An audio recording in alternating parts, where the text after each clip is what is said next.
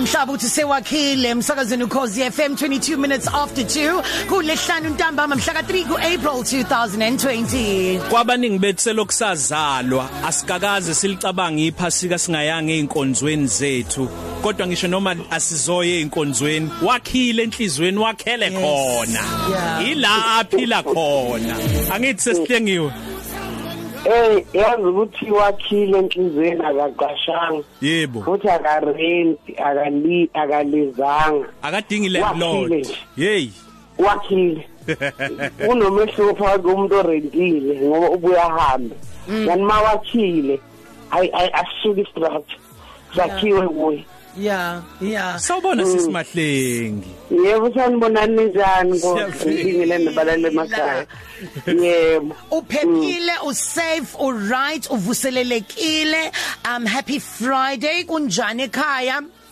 hayi ngihlezi kahle ekhaya njengoba kuthiwa asihlale emakhaya eh i-lockdown yeah eh into besingakaze saze sayicabanga kodwa ke siyambonga uNkulunkulu ukuthi sisaphephile kuze kube manje Yeah. njengeSouth Africa asifani namanye amazwe yeah eh lokho kumele simbonge uNkulunkulu kakhulu kakhulu eh ukuhlala emakhaya ke inkosi yami engathi bese ngakwazi ukwenza mm eh no bese ngijwayele kodwa ngihlale nje emakhaya Lengoma esiqeda kuyidlala esiqala ngayo lengxoxo sinayo nawe yayi kweyiphi ialbum ukhumbula muphi umuzwa ngesikhathi niqophe studio no Big Fish nayo yonke team eyayikhona Ah ngikhumbula kahle lokhu it was 2006 kwi album uJesu yamhalela ingoma esecilongweni levangeli eh eyafika nje kimi kusewakhile inhlizweni mhlobo wami eh uyabona mawusanda kufika kwi industry eh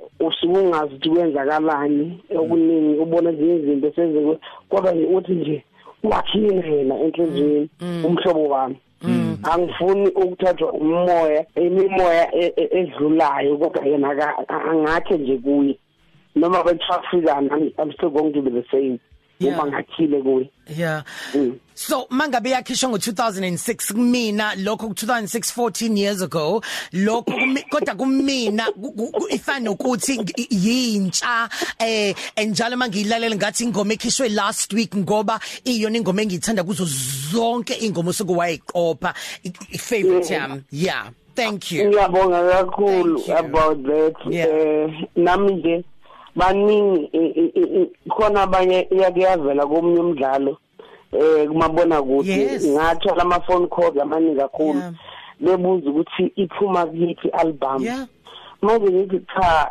yaphuma kwi-album ngo-2006 abantu bengakholwa Mm. yeah Mm. sihlengi ufike kwi-industry ngo-2004 ngaqala ukubona okokuqala nisehholo laseMaran Region letho umsakazi highway nifika no-Big Fish ngiyakhumbula leya Yes, sir. ngiyakhumbula leya Volvo eyayiyiblue ka-Big Fish yebo ngikhumbula kahle kwakuyi-s60 manje abantu Wakwe- ya s60 wakwethula eh ngenxa ya- yaleyo nkonzo yayikhona la futhi ngiyakhumbula kwashumayela umfundisi umkhize wase New Testament eh, enagina kusukela lapho Yeah. ngo2004 kuze kube imanje usuhambe wahamba wazakhela igama emhlabeni wonke jikelele kwiindustry Yeah. yomculo kodwa ubudlelwane bakho abupheleli nje kuphela ekutheni uzwala nabantu zwana noma uthandwa abantu abangamakholwa noma abantu abangabazalwane kodwa sibonile futhi ngesikhathi kudlula uAkhumze eminyakeni ebi- emibili edlula uAkhumze jezile abalingisi abalingisi kakhulu nabaculi nabantu abakwi entertainment industry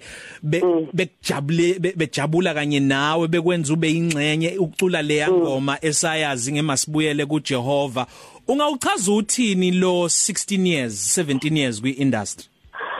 So eh u17 years ke industry one u- ungachaza ngabonga nje uNkulunkulu ngawo and number 2 eh ukuba relevant ukuthi even after 17 years eh u- u- u- umuntu usa relevant kuyi grace kaNkulunkulu leyo ngiyakhumbula ngifika kwi- emculweni my first interview ngasho ngathi ayi angizange ngoba ngizocula kumina it's a calling ngize ngobizo so ngiya- ngiyalibonga ubizo likaNkulunkulu oluphezu kwempilo yami eh ngithe ngifika la kwi-industry because uNkulunkulu akashongo ukuthi asibe sodwa a- a- asithandane sodwa uthi asizobalanda ngenza sure ukuthi nabanye abakwamanye ama-genres nabanye abakwezinye na- nama-actors and- and everyone else ngiyabasondeza babeseduze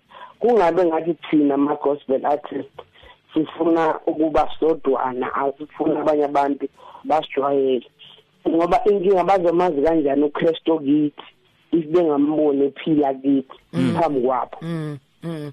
so ngiyazi ukuthi nihlangenile futhi nabanye a- abaculi nahlanganisa yona nikhuluma ni- nicula ngayo le ndaba le e- e- e- e- ehaqe izwe lonke umhlaba wonke Mm. njengamanje Mm. ngabe covid-19 um usebenze nobani ekuyona leculo le le coronavirus eh eh, sisebenze umuntu ngobo u ubudumbuso khoza eh i i- visionary eh kube u Dr Sipho Malembe eh sasebenza ne Flash laba bama bama bezijoli yeah eh sasebenza nomalusi mbokazi ubabo usinezi chuthuni Oh, nice. maningi ama artist abekhona ku- a- akhona kule ngoma because eh, le ngoma eyokuthi mangase sihlanga asihlanganeni njengama njengama South njengama South Africa njengama Africa hayi ama South Africa njengama Africa ukuthi Yeah. ke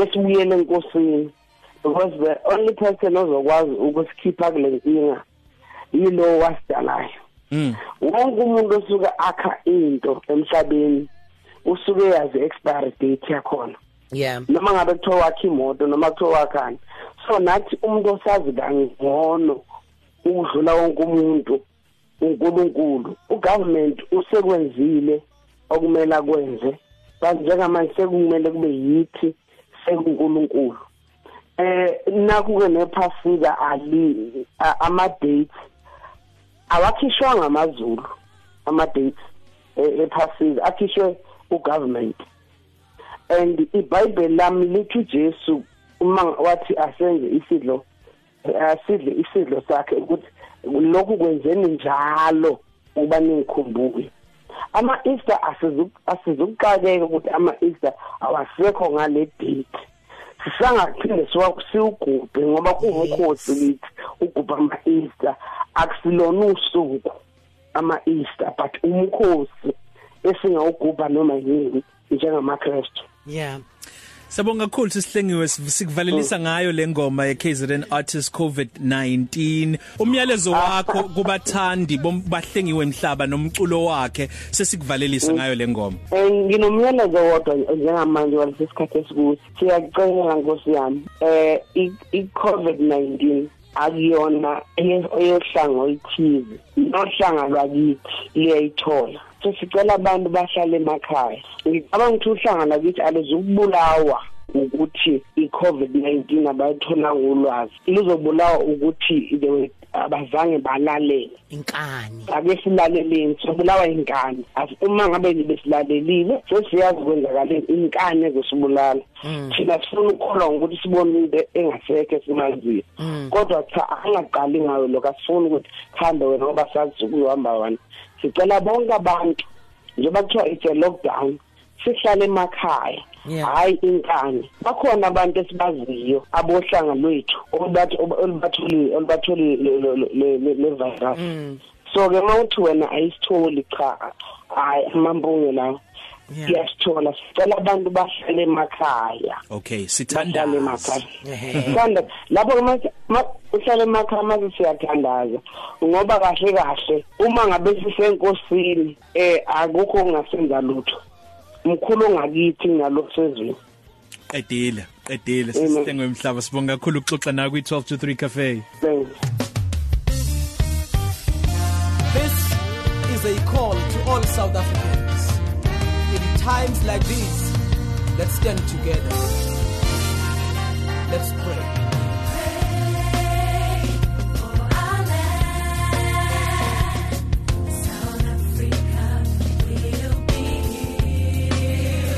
Let us believe.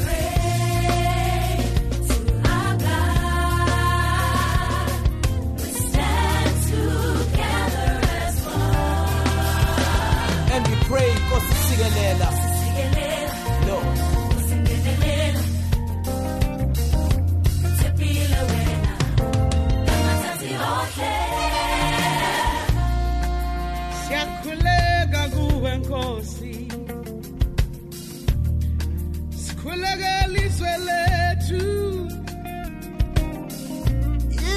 selisemanzini zintungu zibubula umhlaba wonke siyakhuleka nkosi yezulu nomhlaba sondela sinqobise kulesi simo sibhekene naso indlela sithola kuwe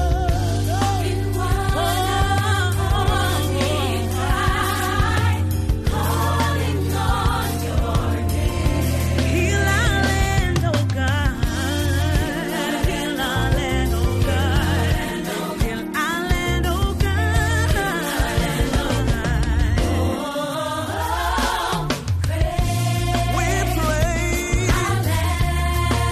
pray for South Africa.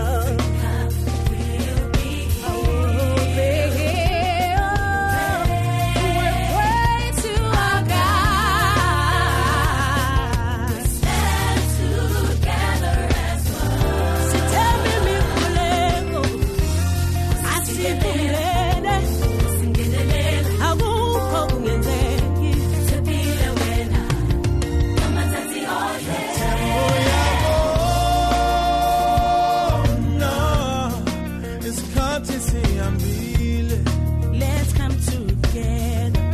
We can win this war. asilaleleni abaphathi bezema besiyala ngeziyalo ngezakhilini